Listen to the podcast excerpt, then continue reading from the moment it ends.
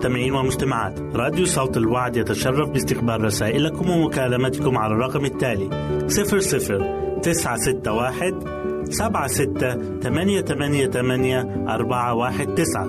نشكركم ونتمنى التواصل معكم. والسلام علينا وعليكم.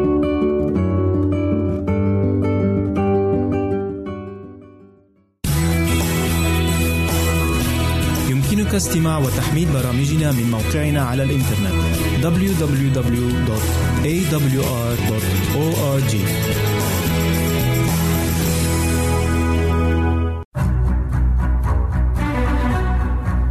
أعزائي المستمعين والمستمعات يتشرف راديو صوت الوعد باستقبال أي مقترحات أو استفسارات عبر البريد الإلكتروني التالي راديو آت في مرة أخرى بالحروف المتقطعة R A D I O at A L شرطة W A A D نقطة تي في والسلام علينا وعليكم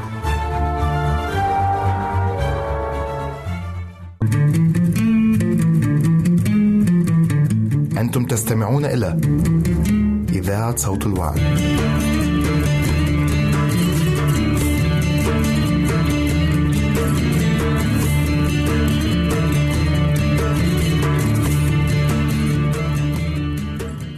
سعيد أن نجدد لقائي معك في هذه الحلقة الأسبوعية من برنامج كنوز الصحة. في هذا اليوم سوف نتحدث عن آفة التدخين. تلك الآفة الفتاكة التي تفتك بأرواح الآلاف من البشر سنويا. فتعال معنا عزيزي لنستمع لهذه الحلقة التي تحمل عنوان الإقلاع عن التدخين. فأهلا ومرحبا بك. إذا كنت مدخنا وتريد الإقلاع عن التدخين فأنت لست وحدك. فأكثر من 45 مليون رجل وامرأة يدخنون في الولايات المتحدة الأمريكية ويزيد عدد المدخنين في العالم أجمع إلى واحد ونصف بليون شخص. وقد اعتاد معظم المدخنين إدمان التبغ قبل بلوغ سن الثامنة عشر. والتدخين في الولايات المتحدة وحدها هو من أهم مسببات الوفاة التي يمكن الوقاية منها. إن التدخين هو أحد الأسباب الرئيسية للإصابة بأمراض السرطان وأمراض القلب والسكتة الدماغية وأمراض الرئة. ويعلن 70% من أولئك المدخنين الذين تقابلنا معهم عن رغبتهم في الإقلاع عن هذه العادة. فإذا كنت واحدا من هؤلاء فنحن نحمل أخبارا سارة لك. فباستطاعتك الإقلاع عن التدخين. السؤال هو لماذا يدخن الكثيرون من الناس؟ يرجع ذلك إلى وفرة الطبغ على نطاق واسع وهو غير مكلف نسبيا كما أنه ليس هناك قانون يمنع التدخين بصفة عامة. تشتمل التأثيرات السلبية الأولية للتدخين على زيادة مستوى هرمونات التوتر وكذلك مستوى هرمون الدوبامين وكلاهما يعملان معا على توليد الطاقة ورفع المزاج بشكل مؤقت سريع الزوال. وتعمل هذه التأثيرات على سهولة إدمان النيكوتين بسرعة فهي تعمل على تغيير المزاج عن طريق تغيير وظائف النواقل العصبية الخاصة بالدوبامين. يرتبط عمل الدوبامين بمشاعر الفرح والسعادة وأيضا التعلم والهمة. عند الإقلاع عن التدخين يظل المخ تحت تأثير آخر جرعة من النيكوتين لمدة 30 ساعة. ويتغير مسار الدوبامين نتيجة الإدمان وبالتالي لا تعطي الأعمال اليومية والمألوفة نفس إحساس السعادة للمدخن. وبما أن المخ يستغرق وقتا طويلا للرجوع لحالته الطبيعية فكثير ما تحدث انتكاسة تجعل المدمن يعود للتدخين مجددا. لذلك فإن اتباع نمط حياة صحي وسليم يعمل على تحفيز الدوبامين ويساعد على التعافي في حين يقلل من احتمالية العودة إلى التدخين. فيما يلي سبع نصائح تتعلق بعيش نمط حياة صحي تقويمي يساعد على الإقلاع على التدخين بالمرة. أولا طعام صحي ومغذي إن الطعام الغني بالعناصر الغذائية المفيدة يقوي كل من الجسم والعقل وتسخر الأطعمة النباتية بمضادات الأكسدة والمغذيات اللازمة لإصلاح الخلايا التالفة ولتحسين الدورة الدموية.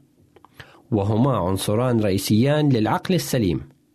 وتعمل هذه الأطعمة أيضا على تقليل الإجهاد وتقليل الرغبة في أكل الحلويات أو تعاطي المنبهات مثل التبغ والكافيين. وتنشط وظائف العقل وتحسن المزاج. تمتع بأكل الكثير من الفواكه والخضر الطازجة والحبوب الكاملة والبقوليات والمكسرات تجنب المأكولات السريعة والدهون الحيوانية المشبعة والدهون المهدرجة والكافيين والكميات الكبيرة من السكر المكرر عندما تتناول طعاما صحي تتحسن صحتك وتتولد لديك الطاقة اللازمة لاتخاذ قرارات صائبة. ثانيا التمارين الرياضية المنتظمة. تحفز التمارين الرياضية الدوبامين والنواقل العصبية الأخرى المسؤولة عن الدوافع والمكافآت والتعلم والسلوك. وتقلل التمارين الرياضية من الأعراض المصاحبة للإقلاع عن التدخين والرغبة في التدخين. وفي حين أن الكثير من الناس يلجؤون للتدخين بسبب ما يعانون منه من توتر وإجهاد إلا أن الإقلاع عن التدخين يقلل الإجهاد بشكل ملحوظ في غضون شهر تقريبا ويقلل من الإجهاد إلى النصف في غضون ستة أشهر وتقلل التمارين الرياضية من الإجهاد والإحباط والقلق فهي تحسن المزاج والصحة العامة والوظائف العقلية كما تحفز القدرة على التعلم. ضع ممارسة التمارين الرياضية اليومية هدفا لك وستؤثر إيجابيا على عقلك وقلبك. ثالثا الراحة. يجدد النوم المنتظم خلايا المخ فهو يتحكم بهرمونات الإجهاد والكلوكوز بالدم ويقلل حالات التهيج والتعب والإجهاد الذي هو سبب لتعاطي التبغ. لذلك فإن راحة العقل والجسد هي سلاح رئيسي ضد الرجوع للتدخين إن النوم العميق والاسترخاء يزيدان من طاقة الجسم. وتعمل أيضا ممارسة التمارين الرياضية مع التنفس بعمق أثناء يوم عمل وشاق على راحة الجسم والعقل. وتذكر أن العقل يعمل أثناء ساعات النوم العميق على ترسيخ العادات الجديدة التي تحاول أن تتعلمها فيجب أن تحصل على الراحة المطلوبة رابعا الانتظام حدد ساعات منتظمة لتناول وجبات الغذاء وممارسة التمارين الرياضية والراحة لتساعد على شفاء واستعادة طاقة عقلك وبدنك. ابدأ يومك بشرب كوب من الماء المنعش. تناول الفواكه الطازجة مع بعض المكسرات والحبوب الكاملة للإفطار. تمشى لمدة عشر دقائق لكبح رغبتك في التدخين. أعد ترتيب بيتك ليتناسب مع اختياراتك الجديدة. تخلص من كل ما هو له علاقة بالتبغ. واحتفظ بحقيبتك الرياضية أمام نظرك لتذكرك بالذهاب إلى صالة الرياضة لممارسة التمارين الرياضية. اشرب المياه فيما بين الوجبات وتمتع بتناول غذاء غني بالألياف مثل البقول والسلطة الغنية بالأوراق الخضراء والخضروات الطازجة.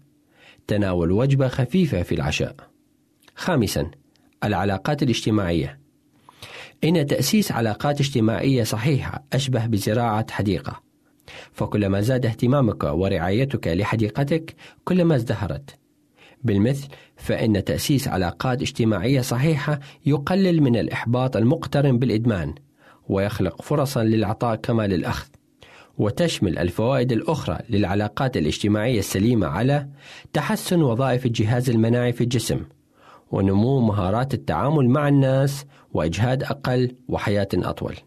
سادسا المثابرة والتدريب كما تتطلب اللياقة البدنية عزما ومثابرة وتدريب هكذا اللياقة العقلية والنفسية يمكنك تدريب عقلك من خلال الاشتراك في أنشطة الذكاء مثل قراءة كتاب ما حل الكلمات المتقاطعة أو تعلم مهارة جديدة. بالإضافة إلى ذلك فإن تعلم طرق جديدة وإيجابية لمواجهة الصعوبات والعواقب يتطلب مجهودا ويعطي نتائج جيدة. مثل هذه الأنشطة تزيد من سهولة اتصال الأعصاب المخية ببعضها البعض وتخلق بالتالي موصلات عصبية جديدة. وتحفز نشاط العقل. سابعا الحياة الروحية إن الصحة الروحية هي أساس أسلوب الحياة الصحي. الله قادر أن يغير رغباتك ويمنحك قوة وحكمة لمواجهة تحديات الحياة. فمن خلال دراسة الكتاب المقدس والصلاة وممارسة أسس الحياة الصحية التي يعلمها لنا الكتاب المقدس يمكنك الحصول على السلام والغفران والاحتمال والنصرة. ويؤكد لنا الكتاب المقدس في إنجيل متى الإصحاح التاسع عشر والآية السادسة والعشرين. هذا مستحيل عند الناس أما عند الله فكل الأشياء ممكنة. فهل تعرف عزيزي كيفية التمرن للوصول إلى هدفك؟ قد تشعر إنك فقدت القدرة على الاختيار ما هو المفيد لك ولكن قد تغلب العديد من الناس على الإدمان. واتقنوا مهارات جديدة وتعلموا كيف يستمتعون بأنشطة وهوايات وأطعمة وصحبة جيدة. تستطيع انت أيضا فعل ذلك كيف عن طريق ممارسة السبع نصائح المذكورة أعلاه ولكن كالعزف على أداة موسيقية جديدة فمن الممكن أن تصدر بعض النغمات الغير صحيحة أثناء تعلم العزف لأول مرة. هكذا الشخص الناجح لا يخلو من الأخطاء، ولكن يرفض الاستسلام. كلما تعودت على فكرة أو عمل إيجابي، كلما ثبت في عقلك. ستحتاج إلى عزيمة، ولكن سيتجاوب جسمك وعقلك إلى التغييرات الصحية الحاصلة بحياتك. هذه هي الطريقة التي ساعدت الملايين من المدخنين على الإقلاع عن التدخين إلى الأبد، وبإمكانك أن تكون واحدا منهم. أرجو أن تكون تلك النصائح التي قدمناها لك عزيزي سبب خير وبركة لك كان معك في لقاء اليوم الأخ يوسف حبيب وإلى اللقاء أعزائي المستمعين والمستمعات راديو صوت الوعد لا يكتفي بخدمتكم عبر الموجات الصوتية فقط بل وإنه يطرح لكم موقعا إلكترونيا يمكنكم من خلاله مشاهدة أجمل البرامج الدينية الثقافية الاجتماعية وغيرها من المواضيع الشيقة.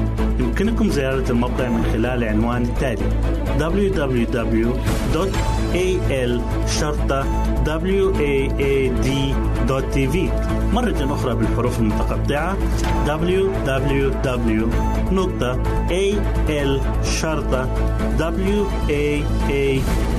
www.al-waad.tv والسلام علينا وعليكم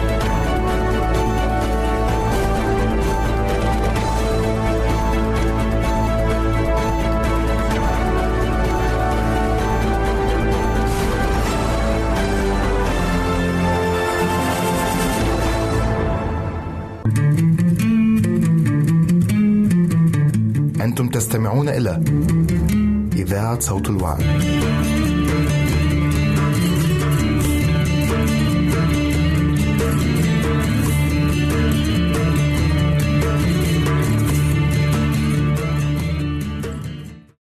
فأخذوا يسوع وعروه وألبسوه رداء قرمزيا وضفروا إكليلا من شوك ووضعوه على رأسه. وكانوا يشثون له ويستهزئون به. ثم نزعوا عنه الرداء ومضوا به للصلب. وحبيبي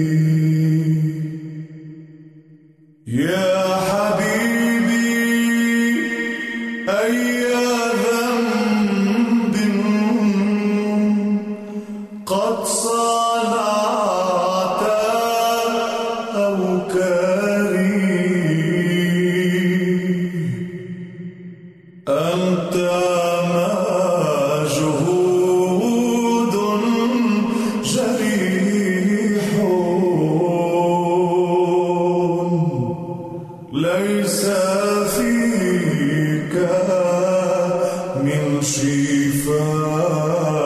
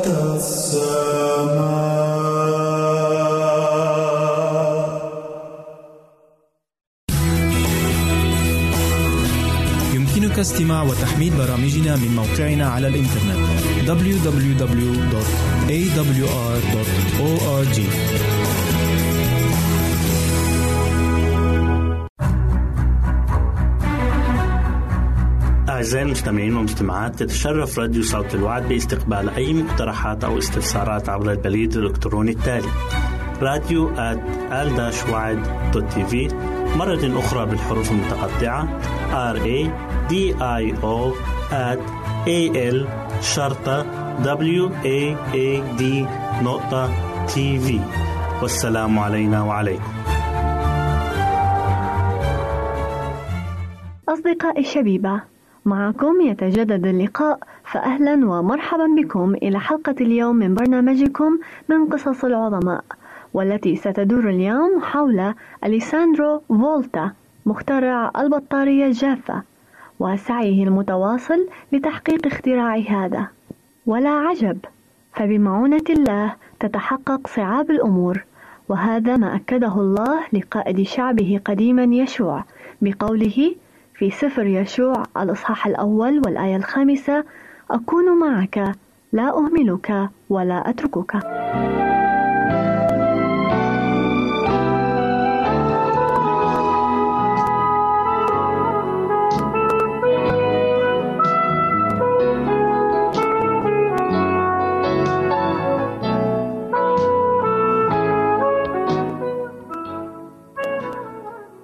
إذا تطلعت إلى أي جهاز كهربائي كالمذياع مثلا أو التلفزيون لوجدت أن قوة الفولت الكهربائي فيه هي إما 110 أو 220 وهذا الرقم يشير إلى الضغط الكهربائي الذي يتحمله الجهاز.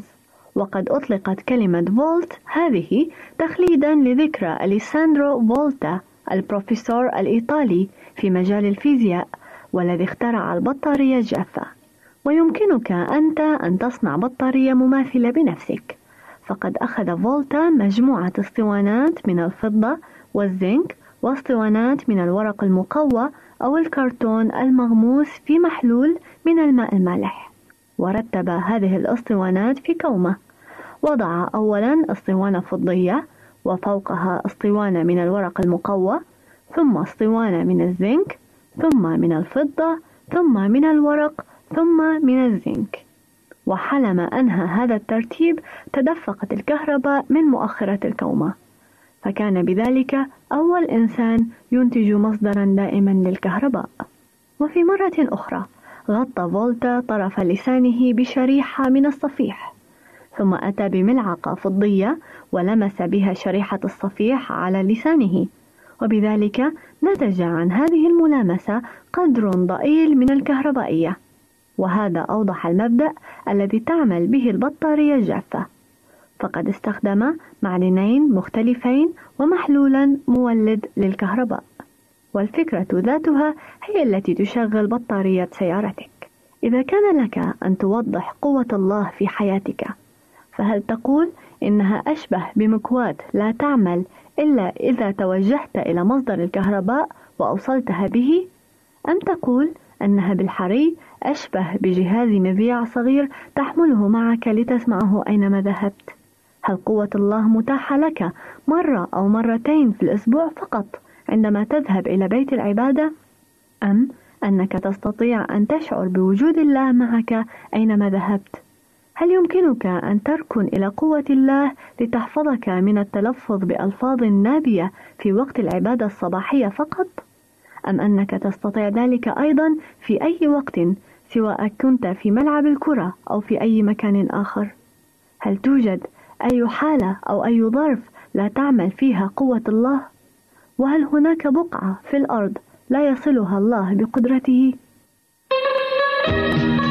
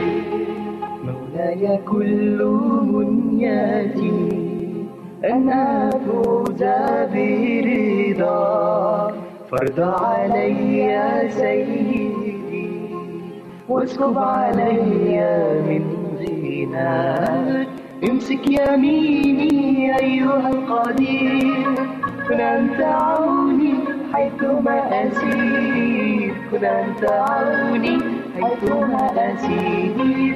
امسك يميني أيها القدير كن أنت عوني حيثما أسير. كن أنت عوني حيثما أسير.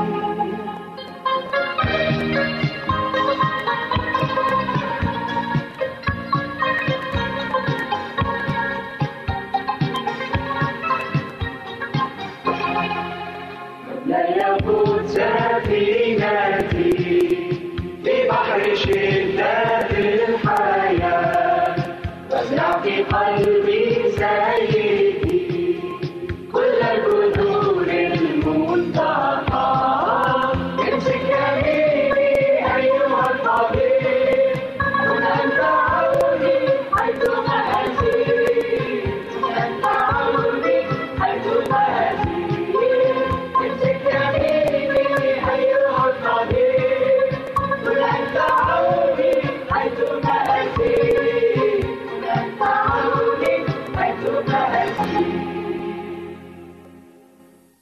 الشكر لك ربي لأنك أقرب إلي مما أنا لنفسي.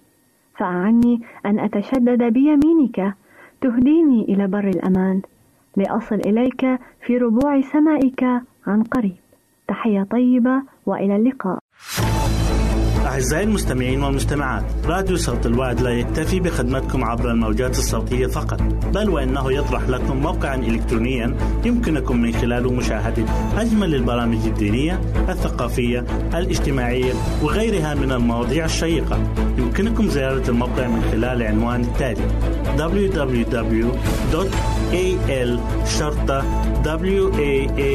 www.al.waad.tv مرة أخرى بالحروف المتقطعة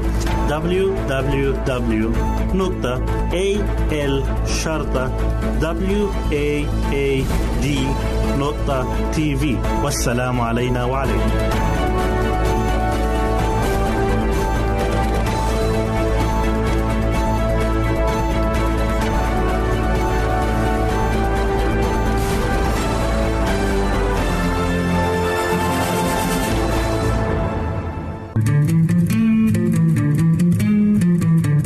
أنتم تستمعون إلى إذاعة صوت الوعد.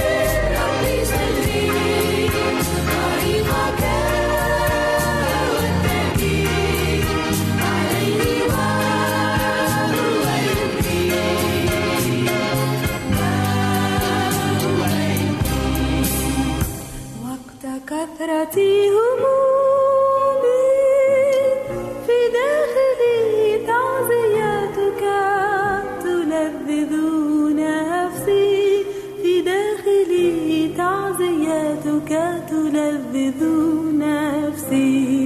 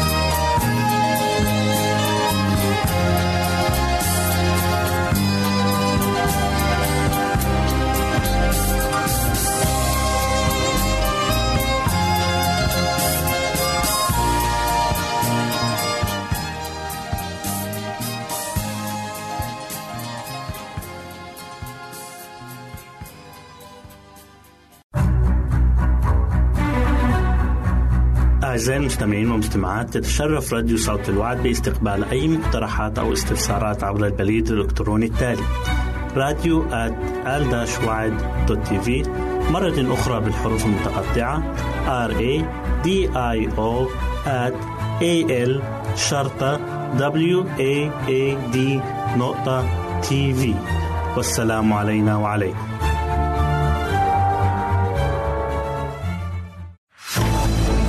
أعزائي المستمعين والمستمعات راديو صوت الوعد لا يكتفي بخدمتكم عبر الموجات الصوتية فقط بل وإنه يطرح لكم موقعا إلكترونيا يمكنكم من خلاله مشاهدة أجمل البرامج الدينية الثقافية الاجتماعية وغيرها من المواضيع الشيقة. يمكنكم زيارة الموقع من خلال العنوان التالي www.al waad.tv مرة أخرى بالحروف المتقطعة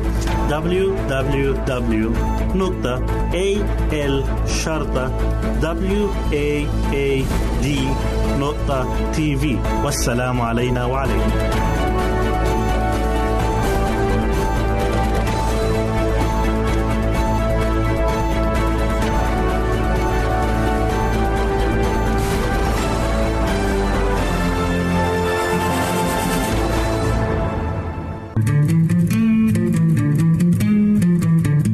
أنتم تستمعون إلى إذاعة صوت الوعي.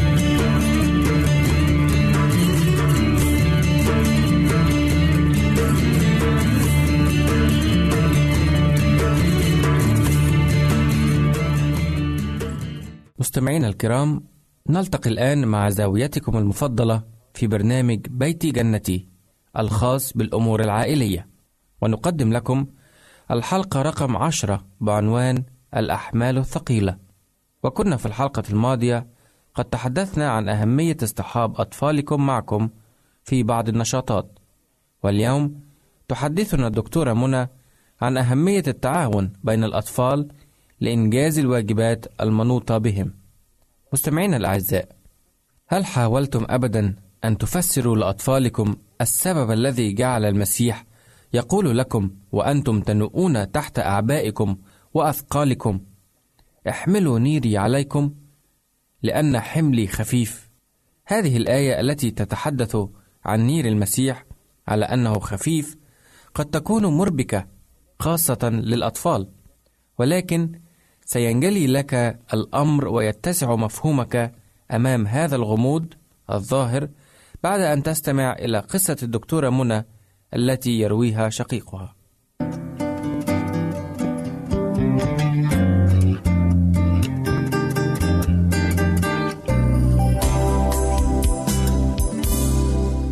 بالفعل. كان شقيقي رشاد ينوء تحت حمل ثقيل من أسبوع لآخر. فقد كان عليه أن يقص الحشيش الذي أمام المنزل. ولم تكن الماكينة الآلية لقص الحشيش قد اخترعت بعد في تلك الأيام. فكان هذا العمل يستغرق منه الجهد والوقت. وكان هو يفضل أن يستثمر هذا الوقت والجهد في اللعب مع الأصدقاء بالكرة. ظل رشاد يتأفف ويتذمر ويتوسل إلى والدته أن تعفيه من هذه المهمة. ولكن كل توسلاته تلك لم تجعل الأم تغير رأيها. كان عليه إتمام العمل الذي أوكل إليه وكلف القيام به. وفي يوم من أيام الصيف الجميلة اتصل أحد الأصدقاء برشاد باكرا في الصباح وأخبره أن كافة الأولاد الذين في عمره سيلعبون كرة القدم ذلك اليوم وأنهم يريدونه أن يلعب معهم في تمام الساعة العاشرة صباحا. أجاب رشاد قائلا كم أطوق لتلبية هذه الدعوة الحلوة ولكن اليوم يوم قص الحشيش وحتى لو بدأت العمل فيه الآن فلن أنتهي منه أبدا في الساعة العاشرة. وأنت تعرف تشدد والدتي فهي لا تسمح لي أبدا أن ألعب الكرة قبل أن أقص الحشيش أولا. عندئذ خطرت لرشاد فكرة فقال لمحدثه لكن إذا أحضرت أنت ماكينة القص الخاصة بكم وساعدتني في عملي فقد ننهي العمل سويا بحلول الساعة العاشرة. بعد عدة دقائق حضر ماجد جاره ومعه الماكينة وأخذ الاثنان يتسابقان في إنجاز المهمة معا. وكان في أثناء العمل يركضان خلف بعضهما أو يلقيان الحشائش أحدهما على الآخر.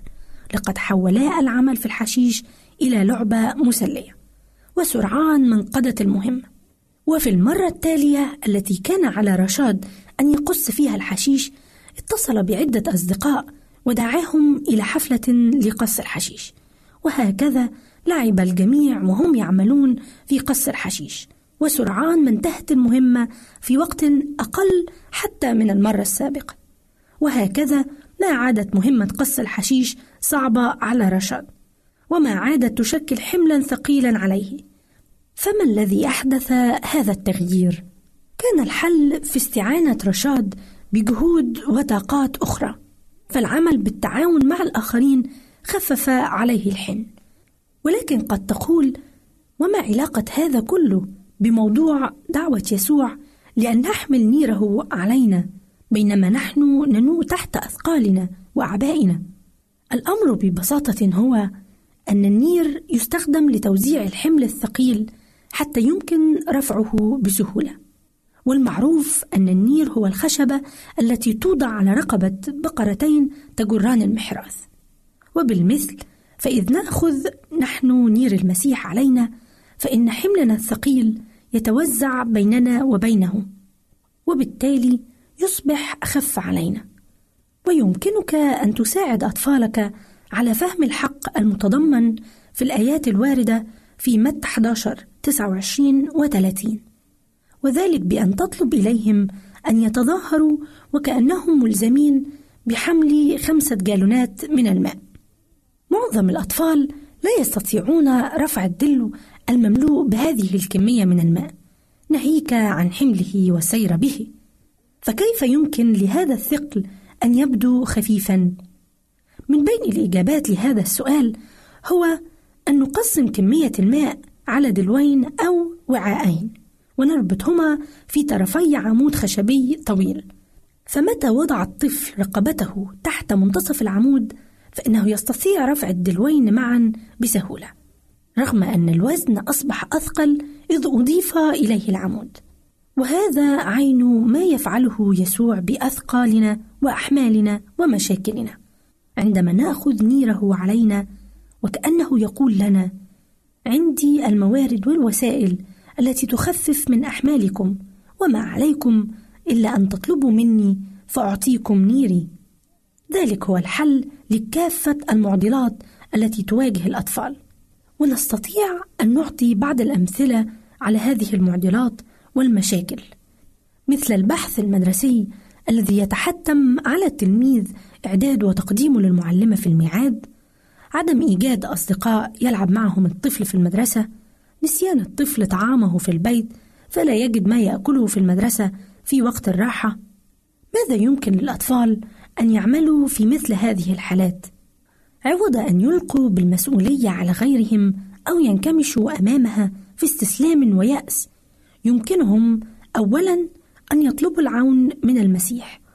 اطلبوا نيره أي مواردة. ثانيا اقبلوا تلك الموارد النير الذي يوفره لكم مثل ما حدث في موضوع الأصدقاء وقص الحشيش والفكرة التي لجأ إليها رشاد لتخفيف عنه عبء قص الحشيش بمفرده. لن يكون العبء أثقل أبدا من أن يحمل إذا تذكر الأطفال أن لله موارد تتعدى خيالنا. فلنطلب فقط نيره كي نتمكن من حمل أثقالنا بسهولة.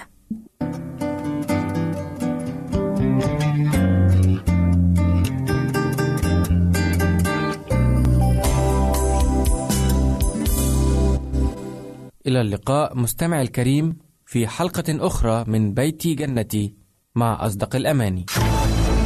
أعزائي المستمعين والمستمعات راديو صوت الوعد لا يكتفي بخدمتكم عبر الموجات الصوتية فقط بل وإنه يطرح لكم موقعا إلكترونيا يمكنكم من خلاله مشاهدة أجمل البرامج الدينية الثقافية الاجتماعية وغيرها من المواضيع الشيقة. يمكنكم زيارة الموقع من خلال العنوان التالي www.al www.al-sharta.tv مرة أخرى بالحروف المتقطعة www.al-sharta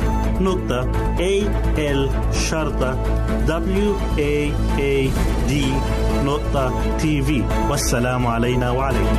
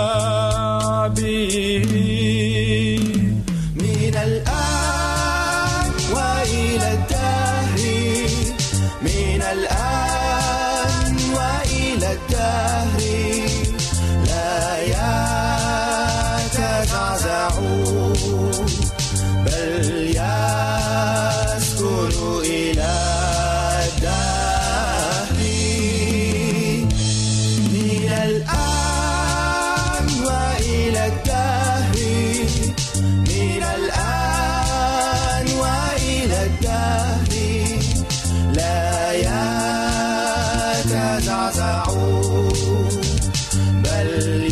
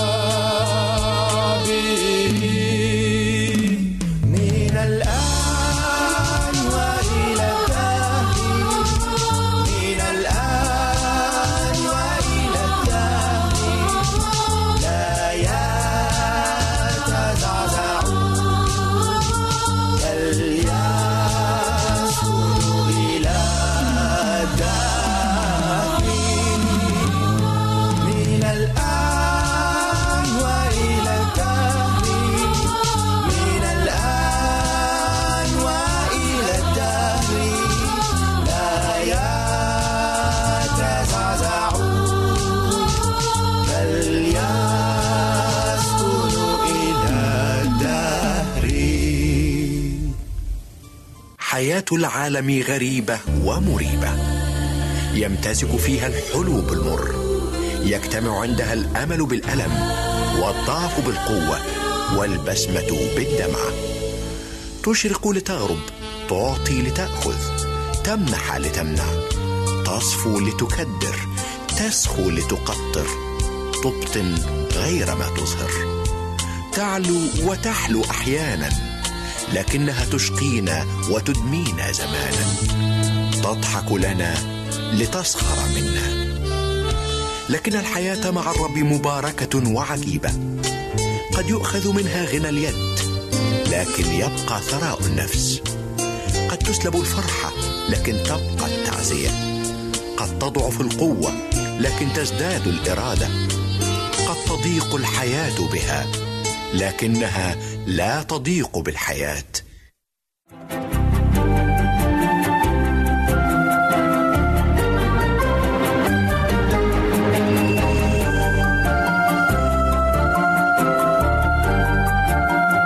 أعزائي المستمعين نرحب بكم مرة أخرى في حلقة جديدة من برنامج دروس حياتية من عائلات كتابية.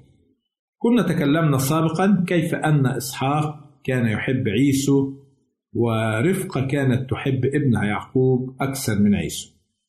وقلنا أن هناك أسباب لمحبة رفقة ليعقوب ومحبة إسحاق لعيسو. فما هي هذه الأسباب؟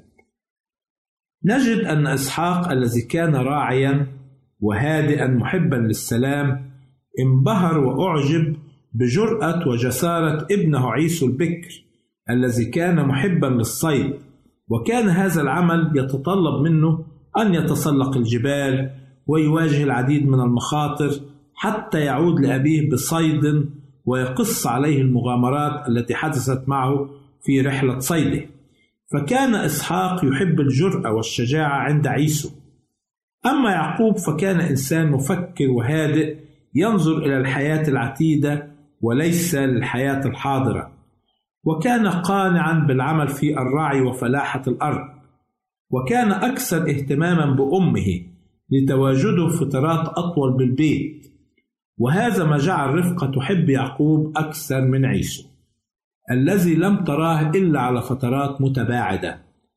هذا بالإضافة إلى أن إسحاق أحب عيسو أكثر لأنه كان الابن البكر وكان البكر قديما له امتيازات كثيرة في العائلة. امتيازات روحية وامتيازات مادية فهو سيكون كاهن العائلة وسيأتي من نسله الفادي أو المخلص. وطالما كان هناك امتيازات أعطاها الله للبكر فكان عليه أن يكون طائعا لوصايا الله ويكرس حياته الخدمة ويطلب مشورة الله في حياته العائلية واختيار الزوجة المناسبة. والامتيازات المادية هي أن يكون له حق السيادة في البيت أو مكان أبيه. كذلك كان في الميراث سيحصل على نصيب اثنين من ثروة أبيه. أي كانت كان نصيبه سيكون مضاعفا لنصيب إخوته. طيب إذا كان الأمر كذلك لماذا اهتمت رفقة أن يحصل يعقوب على البركة إذا كان هذا الامتياز من حق عيسو الابن البكر؟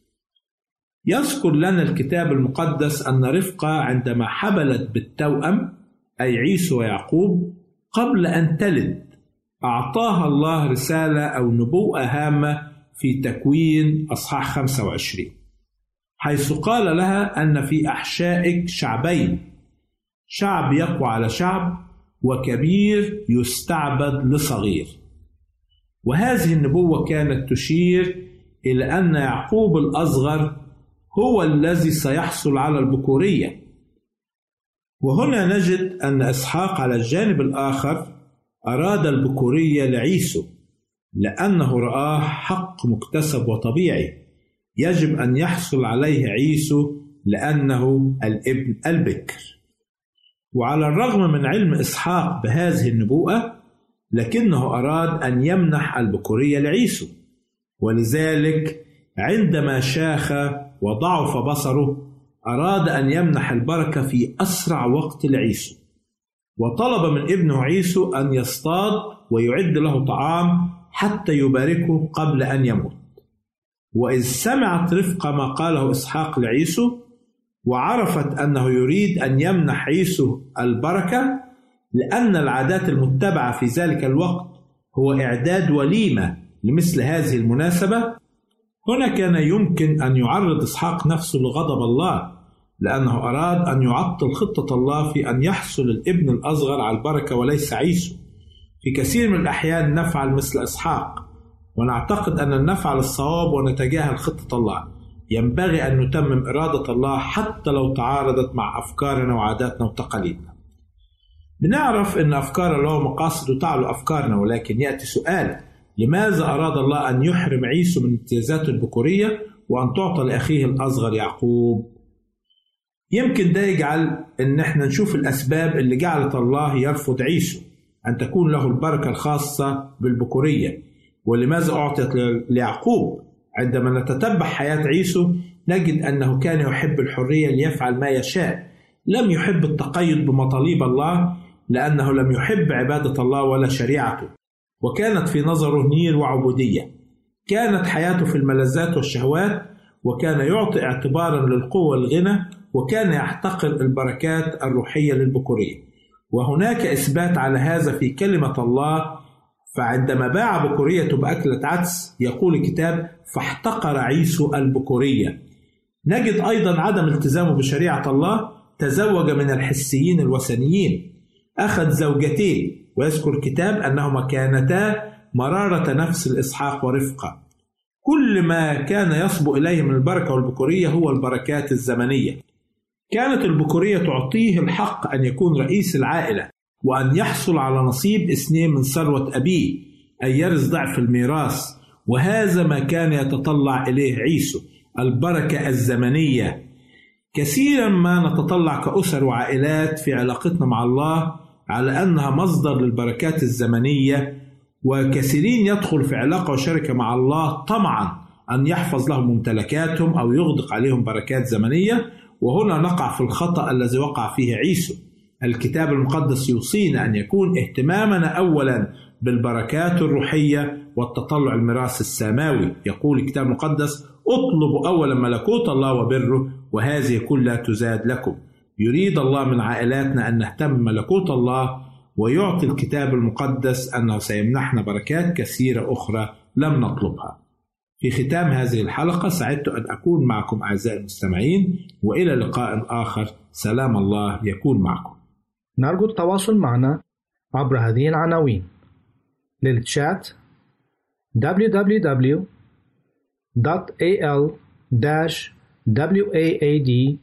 www.al-waad.tv وللرسائل radio at al-waad.tv